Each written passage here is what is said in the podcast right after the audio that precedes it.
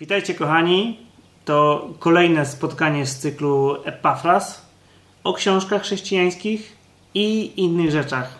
Ja jestem Tymek i dzisiaj w ogóle, zanim cokolwiek, to, to dzięki za wszystkie reakcje na, na poprzedni odcinek, ten gdzie moja mordeczka już była widoczna. Jest ponownie super.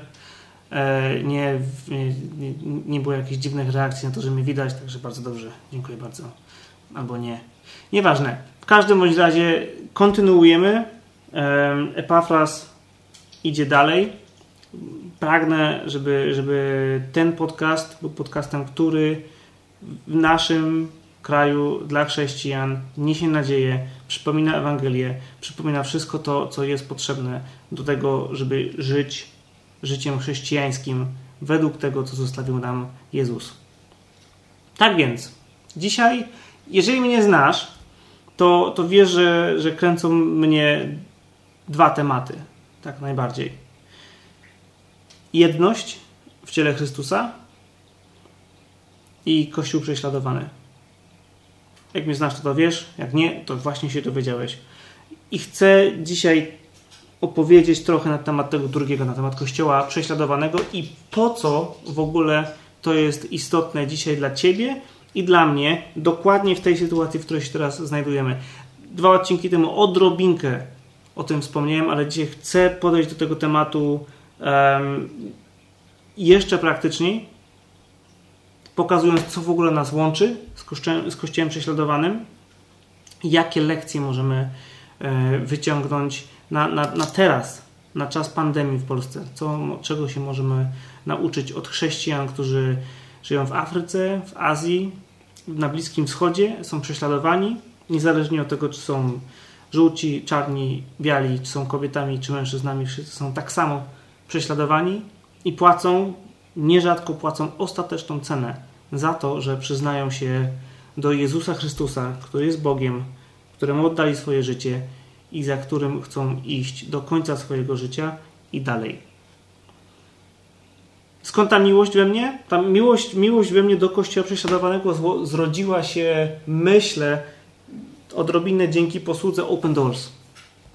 Otóż pewnego dnia przeczytałem w jednej z ich gazetek, ponieważ oni co miesiąc, e, co miesiąc wysyłają tym, którzy chcą, wysyłają darmowy biuletyn, w którym opisują kolejne rzeczy, które się dzieją na świecie, w kościele prześladowanym w różnych miejscach. W tym miesiącu jest to Bliski Wschód. Jak kiedyś przeczytałem mm, o Egipcie i, i bardzo mnie zaszokowała historia kilku katolików, którzy jechali zamontować dzwon do jakiegoś klasztoru. Mm, I zostali, zostali zatrzymani przez ekstremistów i, i mieli wprost wybór albo się wyrzekniecie Jezusa, albo zginiecie. Wszyscy zginęli. Wszyscy oddali życie. Woleli oddać życie, niż wyrzec się Jezusa. Natomiast od razu na wstępie chciałbym, żebyś wiedział, bracie, siostro, że, że, że widzisz, no, jak jesteś w Polsce, może ci, się, mm, może się od razu włączać antykatolicyzm różnego rodzaju ale wiesz co? Tamci trzej Egipcjanie przeszli bardzo szybką drogę uczniostwa. Nawet jak żyli życiem, w którym sobie nie zdawali wiele sprawy z wiary, którą, którą mieli, to w, to w tamtym momencie naprawdę bardzo szybko pod mocą Ducha Świętego w łasce Jezusa Chrystusa weszli na, na taki poziom, na którym my w Polsce no, myślę, że mało kto jest gotowy. I od tego zaczęła się moja miłość do, do Kościoła prześladowanego. Zacząłem śledzić, zacząłem pytać, zacząłem szukać, zacząłem czytać. Mam, mam w swojej bibliotece kilkanaście co najmniej książek różnego typu poświęconych różnym miejscom, różnym okresom historycznym, które opisują, jak ciało Chrystusa się kształtowało, jak ciało Chrystusa było prześladowane w różnych miejscach. Tak więc chcę dzisiaj dotknąć tematu, który dotyka już globalnie ciała Chrystusa. I chcę Ci powiedzieć, że jeżeli Cię nie interesuje temat Kościoła prześladowanego, to grzeszysz. Po, prostu, no nie ma co owijać w bawełnę. Po prostu trwasz ustawicznie w grzechu. Ponieważ jest jedno ciało jednego Jezusa Chrystusa, Boga i Pana i Króla. I on wyraźnie, Hebrajczyków 13:3 powiedział nam o tym, że, żebyśmy pamiętali o więźniach. Widzisz, powiedział kiedyś do, do Pawła na drodze do Damaszku, czemu mnie prześladujesz? Paweł nie prześladował Jezusa fi fizycznie, osobiście. Paweł prześladował każdego wyznawcę i każdą wyznawczynię drogi pańskiej. Ciało Chrystusa. Jak ktoś jest wierzący, jak ktoś oddał życie Jezusowi, to jest, to jest częścią ciała, niezależnie od tego, którym miejscu jest. A, a, a wiem, i mówię to ostatnio bardzo często, że teraz jest czas na to, żebyśmy poszerzyli nasze serca. Niezależnie od tego, co się dzieje w Polsce, niezależnie od tego, ile czasu my poświęcamy naszej sytuacji pandemicznej, ile czasu poświęcamy na nasz kryzys gospodarczy, ile czasu media poświęcają, poświęcają tylko na to, żeby gadać o tym, co się dzieje na prawo i na lewo, to to ciebie i mnie nie zwalnia z obowiązku do, do pamięci, do modlitwy, o, o staranie się i troski o Kościół prześladowany. Tak więc to przyjmij to już nie jako przypomnienie, ale po prostu jako napomnienie. Jeżeli, jeżeli do tej pory nie byłeś świadom tego, to nie byłeś świadom. Ale jeżeli po prostu zapomniałeś, to czas, żeby się nawrócić i czas, żeby zacząć, zacząć się przyglądać tym, od których tak wiele dzisiaj zależy. No dobra, prześladowania. Pan Jezus nam obiecał prześladowania. Tak, tak jak Pan Jezus był prześladowany, jak, jak Jego wykpiono, opluto i zabito, tak powiedział, że nas też tak będą traktować. My nie mamy tego w Polsce. Zauważ. Właśnie nie dzieje się to. To nie jest tak, że wyjdziesz na ulicę i, i ktoś ci przyłoży pistolet do głowy i powie wyrzeknij się Jezusa. Nie, nie. U nas się takie rzeczy nie dzieją. Jeszcze. Jak, bo jak widzimy, w tym roku wystarczył jeden miesiąc, żeby nasz świat się kompletnie wywrócił do góry nogami. Tak więc y, myślę, że to jest wystarczająca pobudka dla, dla Kościoła, dla nas wszystkich, ponieważ teraz, niezależnie z jakiej denominacji jesteś, z jakiego miejsca to oglądasz w Polsce, zauważyłeś, że Twoje dotychczasowe życie w wierze się kompletnie zmieniło. Zmieniła się forma, praktykowania wiary, zmieniła się forma modlitwy. Czasem nie możesz się już spotykać z Kościołem, bo się skończyły nabożeństwa, bo są jakieś obostrzenia, bo, bo, bo masz starszych ludzi w, u siebie w domu i się po prostu boisz iść na spotkanie. To jest czas rewizji Twojej i mojej, naszej wiary w Jezusa. To jest, to jest czas, żebyśmy my wszyscy się jeszcze raz zapytali, dlaczego my tak właściwie wierzymy w Jezusa? Po co my tak właściwie wierzymy w Boga. No bo to samo pytanie mógłbyś zadać i to już pierwsza lekcja, która płynie z kościoła prześladowanego. Jak spojrzysz na Nigerię, w Nigerii w tym momencie, jeżeli chodzi o, um, o, o, środkową Nigerię, ponieważ środkowe, Nigeria w ogóle ma, ma ponad 200 milionów mieszkańców. Nie wiem, czy o tym wiedziałeś. I północ jest jest zamieszkana przez muzułmanów, południe przez chrześcijan. Po środku jest rzeźnia. Chrześcijanie są, są wybijani. Jeżeli chodzi o prześladowanie, prześladowanie chrześcijan w Nigerii, przyjęło już skalę ludobójstwa. I to jest różnie, od kilkunastu do kilkudziesięciu osób dziennie zabitych przez, tylko przez to, że są wyznawcami drogi Jezusa Chrystusa. I widzisz, i mógłbyś, moglibyśmy zadać sobie to pytanie, ale po, po co w takim razie, co, o co chodzi? Czemu oni wierzą? Przecież mogliby powiedzieć, tak, tak, to wiesz, dobra, niech będzie, przyznam się do, e, przyznam się do islamu, po prostu przejdę na islam na niby i wszystko będzie dobrze, będę mógł dalej żyć, ale nie robią tego. Co takiego jest w Jezusie. Że, że wielu woli oddać swoje życie, niż wyrzec Jezusa po to, żeby, żeby docześnie przeżyć jeszcze, jeszcze kilka ładnych lat. Pamiętam taką siostrzyczkę w Chinach i opowiadanie. Eee, ona chyba ją nazwali siostrą Mae. Siostra Mae. W czasie, kiedy przed rewolucją kulturową w, w Pekinie prowadziła punkt, w którym dystrybuowała Biblię. była panią doktor. I, I, w momencie, kiedy Mao przyszedł do władzy, zaczęły się prześladowania, to oczywiście no, ona nie dość, że była chrześcijanką, to jeszcze była intelektualistką i jeszcze całkiem zamożną do tego. Tak więc była, e, była na, na szczycie czar, czarnych klas, to, to się chyba nazywało czarne klasy, e, i została od razu wyrzucona z domu, mieszkała w swojej małej szopie na narzędzia i tam cierpiała przez całą rewolucję kultura, kulturową. Takich ludzi wyciągano na ulicę, często im ubierano na, głowę takie, takie stożkowe czapki, żeby, żeby wskazywać, że to są idioci, debile, kretyni.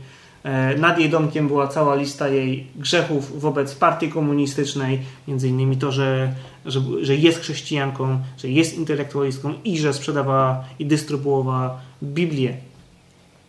I ona w pewnym momencie stwierdziła, że, że, że po paru latach, że Panie Jezu, to, to już wystarczy. Kocham Cię, wiem, że Ty mnie kochasz. Przeżyliśmy razem wspaniałe życie.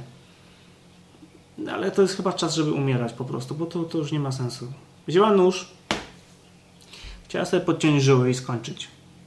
Ale zanim to zrobiła, powiedziała, ale Panie Jezu, jeżeli, jeżeli Ty chcesz, żebym ja coś jeszcze, jeżeli na coś Ci się jeszcze przydam, to, to nie pozwól mi tego zrobić. Upuściła nóż i rozpłakała się. Nie stąpił anioł z nieba. Nie nastąpił jakiś rozbłysk światła, trąby anielskie. Nie przyszedł tajemniczy bohater, nie wytrącił tego noża, ale, ale w niej pojawiła się siła. Siła, która pozwoliła jej przetrwać kolejnych 10 lat upokorzeń i prześladowań. I w momencie, kiedy, kiedy zakończyła się rewolucja, kiedy Mao umarł, kiedy reszta tamtej ekipy umarła, zaczęli do niej przychodzić ludzie partyjni dygnitarze. Mówili,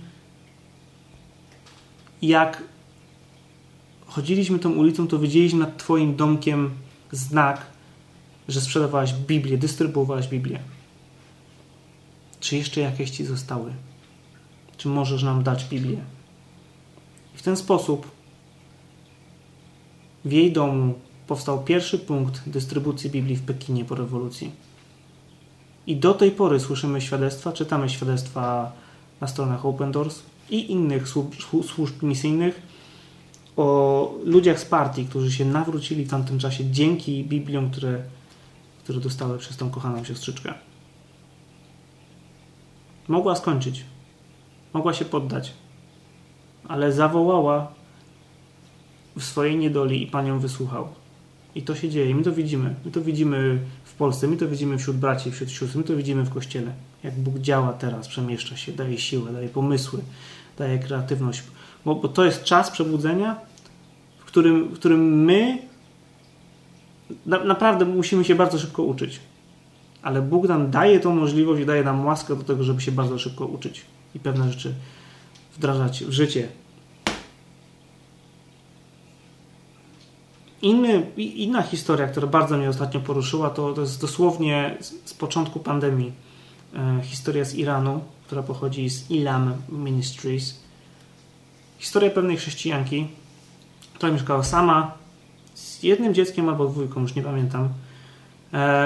I skończyło im się jedzenie.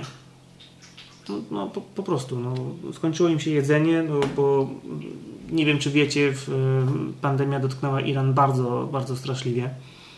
E, pod kątem całego lockdownu, zwłaszcza wobec chrześcijan, którzy zawsze muszą być tam w ukryciu. Bycie chrześcijaniem, chrześcijaniem jest kompletnie nielegalne. I była głodna, poszła spać i miała sen. Miała sen, przyśnił się Jezus. A jeszcze zatem, właśnie, jeszcze zatem, zanim to, zaczęła wołać do Jezusa z wyrzutem: Jezu, czy, czy ty o mnie zapomniałeś? Czy ty o mnie zapomniałeś, Panie Jezu? I poszła spać. I przyśnił jej się Jezus. Przyszedł do niej jako gość i, i ona powiedziała, Panie Jezu, ale ja nic, nic nie mam, nie mam, mam pustą lodówkę, nie jestem w stanie Cię ugościć, nic Ci nie mogę dać. Jezus pokazał jej na lodówkę, otworzyła lodówkę i była pełna jedzenia. W tym śnie się rozpłakała z radości i w tym momencie usłyszała pukanie do drzwi. Obudziła się najpierw zła, że, tak, że z pięknego snu, którym spotkała Jezusa, ktoś ją wybudził otworzyła drzwi, a na zewnątrz stało dwóch braci z Ila Ministries z paczką pełną jedzenia na parę najbliższych tygodni. Uspokała się, opowiedziała ten sen, potem ten sen trafił do, do nas, do, do Europy, opowiedziała nam go. No to jest w ogóle ciekawa sytuacja, że w Iranie Jezus się objawia ludziom w snach bardzo, bardzo, bardzo często. I są tak bardzo do tego przywiązani. Jezus się troszczy o ciebie, Jezus się troszczy o mnie. Ty, nie, niezależnie od tego, co widzimy, mamy chodzić wiarą, a nie oglądaniem. I za każdym razem przychodzą lekcje z takich miejsc, z takich regionów. Nie pozwól sobie na to, żebyś, żebyś przegapił te lekcje. Zacznij czytać, zacznij szukać, znajdź sobie Elam Ministries, jak mówisz po angielsku. E, znajdź sobie Back to Jerusalem, e, Christian Friends of North Korea. Zobacz sobie Open Doors Polska, naszych kochanych działających w Polsce braci. E, zobacz sobie OM Polska. Jest mnóstwo okazji na to, żebyś ty, ty teraz był beneficjentem Kościoła prześladowanego nie dawał pieniądze, żeby tam ich wyżywić czy coś tam, ale to, to jest czas, żebyś ty faktycznie zrozumiał, że to oni są silniejszym kościołem w tym momencie. Ponieważ to, w co my wchodzimy potencjalnie w Polsce teraz, oni już dawno to mają za sobą, a przynajmniej się nauczyli żyć w warunkach ekstremalnych. Więc pamiętaj o tym. Paweł, chcę ci coś, chcę ci coś przeczytać. W drugim liście do Koryntian jest fragment, który ja lubię sobie nazywać CV Pawła. No bo można by pomyśleć, że ojejku, prześladowanie, biedny kościół, kurczę, po co to wszystko? Zaraz nas zabiją, ich zabiją i wiesz, to jest takie smutne, takie dojmujące, to jest taka deprecha. Jak żyć? Ale nie. Nie ma w tym smutku. Jest w tym chwała, ale nie chwała, jak to się przyjęło w polskim myśleniu cierpiętniczym, że o, umarli i teraz to jest w ogóle czas świętować po prostu wszystkich, wszystkie nasze przegrane bitwy i wszystkie nasze porażki i się po prostu biczować po plecach. Nie, nie, nie, nie. Drugi list do Koryntian, 11 rozdział, od 21 wersetu Paweł mówi o sobie. Opisuje swoją sytuację. Ja to nazywam, że jest to CV Pawła. Mówię o hańbie, jakbyśmy byli słabi, lecz w czym ktoś jest śmiały, mówię jak głupi. Ja też jestem śmiały. Są Hebrajczykami? Ja także. Są Izraelitami? Ja także. Są potomstwem Abrahama? Ja także. Są sługami Chrystusa? Mówię jak głupi. Ja jeszcze bardziej pracach więcej, w chłostach nadmiarę, w więzieniach częściej, w niebezpieczeństwie śmierci wielokroć. Od Żydów pięciokrotnie otrzymałem 40 razów bez jednego. Trzy razy byłem bity rózgami, raz kamieniowany, trzy razy rozbił się ze mną okręt, dzień i noc spędziłem w głębinie morskiej. Często w podróżach, w niebezpieczeństwach na rzekach, w niebezpieczeństwach od bandytów, w niebezpieczeństwach od własnego narodu, w niebezpieczeństwach od pogan, w niebezpieczeństwach w mieście, w niebezpieczeństwach na pustyni, w niebezpieczeństwach na morzu, w niebezpieczeństwach wśród fałszywych braci, w trudzie i znoju, często w czuwaniu, w głodzie i pragnieniu, często w postach, w zimnie i nagości, a poza tymi sprawami zewnętrznymi, w tym, co mi codziennie ciąży, w trosce o wszystkie kościoły. Genialny chłop. A co Paweł w ogóle o tym mówi? O tym wszystkim to jest, to jest rozdział 10, a, a w wersecie, a w rozdziale 4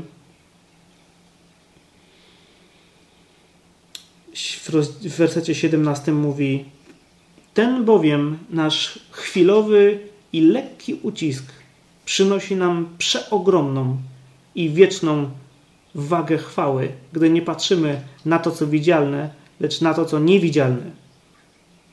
Ten bowiem nasz chwilowy i lekki ucisk. Ten podcast dzisiaj, podcast, to już nie jest podcast, wideo podcast. To, co dzisiaj mówię, jest, ma, ma na celu przynieść konkretne rzeczy, ponieważ my możemy się już teraz w, w książce Szaleństwo Boga, fantastycznej zresztą, autor pyta się jednego z kościołów e, w, w krajach sowieckich, reprezentantów tych kościołów, co możecie nam powiedzieć? Co możecie powiedzieć nam na Zachodzie? Jak, jaką mądrość możemy zaczerpnąć od Was z kościoła prześladowanego? I powiedział im jedną rzecz. Powiedzieli mu jedną rzecz. Uczcie się już teraz rzeczy, których my musieliśmy się nauczyć, gdy było, gdy było już dla nie za późno na tą naukę. Uczmy się już teraz. To znaczy, korzystajmy z mądrości tych, którzy pewne rzeczy przeżyli, którzy są znacznie bardziej wykształceni w dziedzinie życia z Chrystusem niż my. Czyli co? Dokładnie. Jeżeli szukasz, tam dosłownie parę przykładów. Jeżeli szukasz metod, metody, jeżeli szukasz takiej drogi, w której nauczysz się bardziej ufać Bogu w prostych rzeczach, Boży przemytnik. Judd Andrew. Człowiek, który tego garbusa tutaj miał wyładowanego Bibliami wszędzie. Kilkaset sztuk Biblii był, był w stanie przewieźć.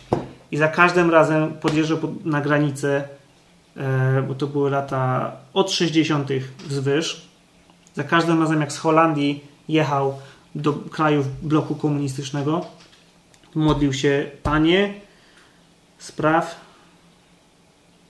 żebym był niewidzialny dla swoich wrogów. I tak się działo. Przychodzili, przychodzili, yy, przychodziły służby graniczne, otwierali bagaże, które były pełne Biblii i nic nie widzieli. I brat Andrew żył w ten sposób, raz za razem, podróż za podróżą, w kompletnym zaufaniu Bogu i uczył się tego zaufania. I uczył się tego zaufania i nauczył się tego zaufania i część tego zostawił w tej książce. Jeżeli jeżeli jesteś kimś odpowiedzialnym za wielkie przedsięwzięcia i chcesz się nauczyć, jak wielkie przedsięwzięcie poddaje się Bogu, noc miliona cudów.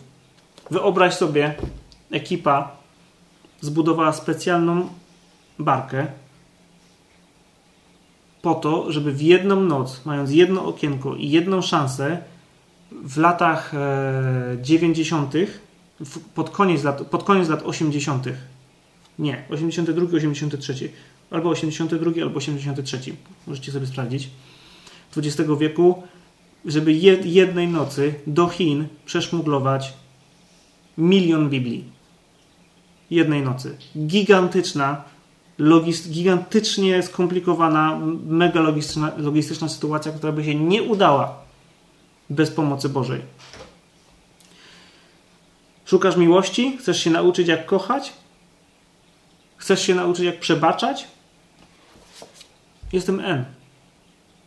Opowieści z Bliskiego Wschodu. Opowieści ludzi, którzy przeżyli potworne rzeczy i przebaczyli. I nawet nie będę wchodził dalej. Nie, nawet nie będę wchodził dalej tutaj. Nie, nie teraz, nie dzisiaj, to nie ten materiał, ale jeżeli chcesz się nauczyć przebaczać, a musisz, nawet nie będę tutaj owijał bawełnę, że powinieneś, bo inaczej twoje chrześcijańskie życie nie będzie. Nie, nie. Po prostu musisz się nauczyć przebaczać, żyć w przebaczeniu. To ci będzie, to ci już teraz jest potrzebne. Czy przebaczyłeś już polityką? Niezależnie od tego, na którą partię jesteś wściekły w tym momencie. Czy im już przebaczyłeś? Za to wszystko, o co ich obwiniasz? Nie, nie, nie zrobisz tego po ludzku. Do tego jest Ci potrzebna łaska Ducha Świętego.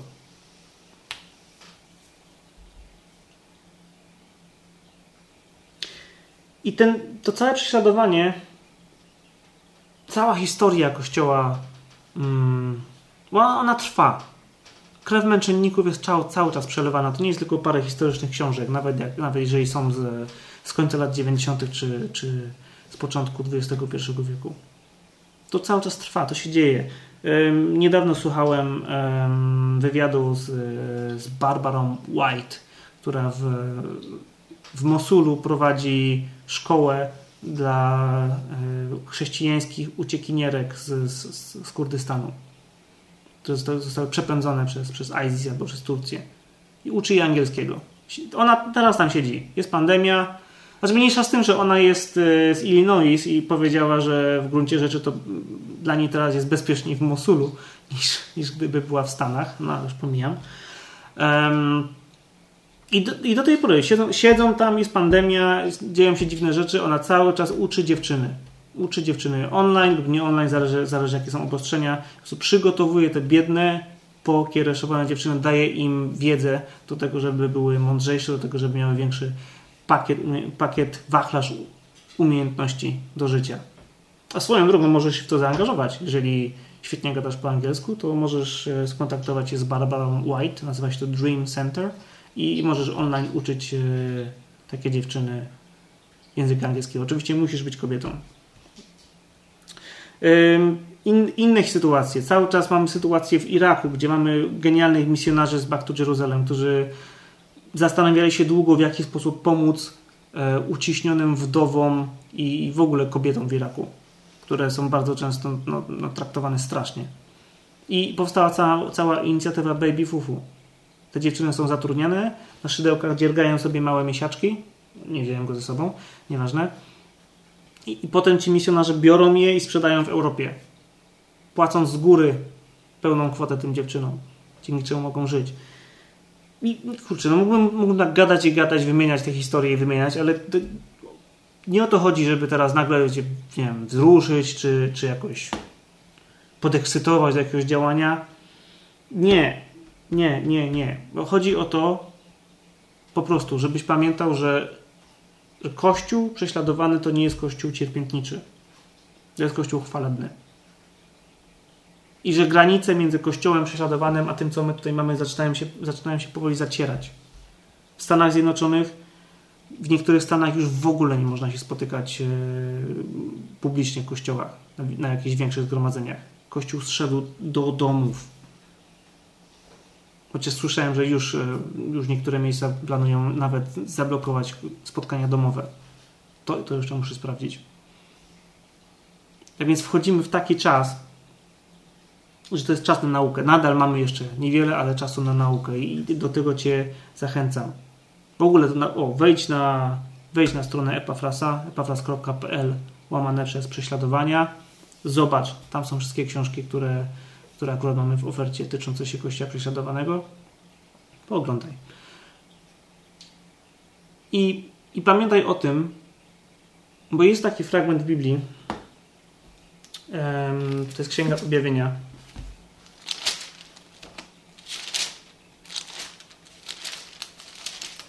To jest mnóstwo genialnych historii. Ludzi, którzy uniknęli ostrza miecza, anioł, który zakrzywił tor pocisku albo zablokował spust. Ale czasem tak się nie dzieje. Czasem po prostu ludzie umierają za wiarę, są zabijani. Są różne statystyki.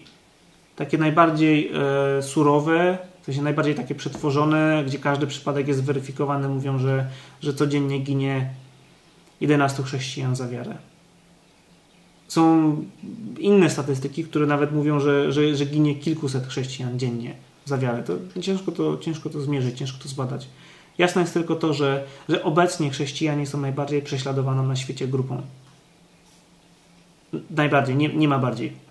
Sprawdź, poszukaj, poczytaj. I, i to jest świetne w, w pewnym sensie, no bo mm, bo nie wiem, czy wiesz, ale chrześcijanin, który poznaje Jezusa osobiście, zaczyna swoje życie na nowo z pozycji wygranej. Nawet jak, nawet jak wydarzy się taka sytuacja, że, że nie zostanie wyrwany z więzienia, tylko umrze z głodu, zapomniany przez wszystkich, nawet nie, nie mogąc się podzielić świadectwem. Bo w Księdze Objawienia, w szóstym rozdziale, od dziewiątego wersetu, słowo mówi tak a gdy otworzył piątą pieczęć, widziałem pod ołtarzem dusze zabitych z powodu Słowa Bożego i świadectwa, które złożyli. I wołały donośnym głosem: Jak długo jeszcze, Panie święty i prawdziwy, nie, nie będziesz sądził i nie pomścisz naszej krwi na mieszkańcach ziemi? I dano każdemu z nich białą szatę i powiedziano im, aby odpoczywali jeszcze przez krótki czas, aż dopełni się liczba ich współsług i braci, którzy mają zostać zabici, jak i oni. To jest skandujący tłum. To jest skandujący tłum i, i to są ludzie, którzy dostąpili zaszczytu. To nie jest przypadek umrzeć za wiarę. To nie jest przypadek. Bo widzisz, w tym świecie, ja nie wiem, nie wiem na jakim etapie wiary ty jesteś. Czy w ogóle wierzysz? W ogóle to byłoby dziwne, gdybyś nie wierzył jeszcze tutaj, do tego momentu dotarł, ale no, cuda się zdarzają. Bo wszystko w tym życiu toczy się tak właściwie o śmierć. No bo jest szatan, który bardzo chętnie ciebie i mnie by zabił, skończył na miejscu. Mm. Jest Jezus, który również nawołuje do śmierci, ale innej. Bo jeżeli ty razem z Jezusem umierasz, nowo rodzisz się przez wiarę, no to żadna, żadna, nawet śmierć fizyczna potem cię już nie, nie tyka. Idziesz dalej i żyjesz, ponieważ to jest to, co obiecał Pan Jezus. Jeżeli, jeżeli, rozpo, jeżeli ty masz, miałeś swoje osobiste spotkanie z Jezusem, w którym zrozumiałeś, że całe twoje dotychczasowe życie, że cały ten syf, który, który wcześniej za sobą ciągnąłeś, robiłeś, działałeś, żyłeś w nim, że to wszystko ciążyło na tobie niczym 15-tonowa kula u twojej nogi i ty zrozumiałeś, że, że on to wziął na siebie na krzyżu, to od tamtego momentu zaczyna się życie, w którym nawet śmierć fizyczna powoduje, że twoje życie się nie skończy. W przeciwieństwie do ludzi, którzy żyją nieświadomi ciężaru swojego grzechu, nieświadomi Chrystusa, nieświadomi ofiary krzyża. Tacy ludzie chcą być zabici przez diabła po to, żeby, żeby nie wstali już do życia, do życia wiecznego. Albo inaczej, żeby ich wieczność była wiecznością w kompletnym odłączeniu od Boga. Ale my nie jesteśmy z tych, co się cofają i giną. Nie jesteśmy z tych, którzy pragną iść za Jezusem. Ja, moja żona, ludzie wokół nas tutaj. Mam nadzieję, że Ty też. Nie wiem, co przyniesie jutro. Nie wiem, co przyniesie pojutrze. Nie wiem, co przyniesie miesiąc, miesiąc później. Ale czytałem koniec tej księgi. I będzie nieźle. To był Tymek Tobała. To był Epafras. Do następnego razu.